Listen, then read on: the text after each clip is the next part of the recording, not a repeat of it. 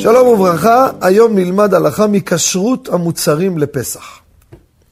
נשים רוצות להתאפר לכבוד החג, או בחול המועד, ויש התלבטות מה לעשות, האם צריך לקנות מוצרי איפור, אני מדבר אפילו אודם, לא רק עיפרון ופודרה ומקאפ, אני מדבר אפילו אודם, יושב בשפתיים, אישה אוכלת, האודם נכנס, נבלע עם האוכל.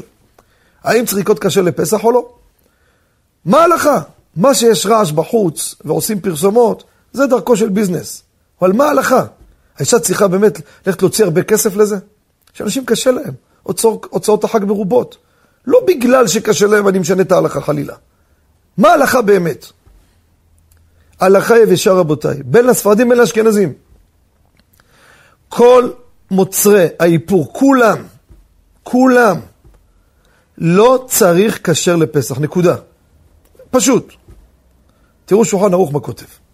אומר, סופר סתם, כותב בדיו, אפילו שמערב בו שחר.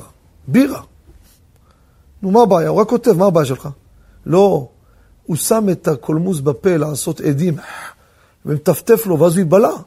לא, אין בעיה. הוא לא התכוון לזה, איך אכילה? הוא לא התכוון לזה. הלכה פסוקה בשולחן ערוך, זה תרומת הדשן. אם אדם מתכוון פה לאכול, מעניין אותו הדבר הזה?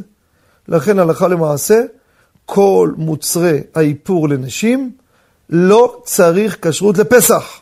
שוב אני חוזר, מי שיש להם הנהגה, שכל דבר שייכנס הביתה, עוד מעט חמצן יהיה עם כשרות, אדרבה, אם זה הנהגה, אין לי בעיה. כשאנשים לא רוצים להסתבך, הכל, לא רק כשר, לא קונה.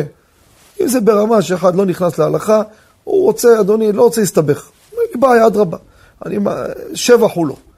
אבל מפה, אישה צריכה מסכנה לוותר, או לטרוח ולרוץ, ואין לה כסף והתלבטות, הוצאות החג מרובות, היו לא תהיה.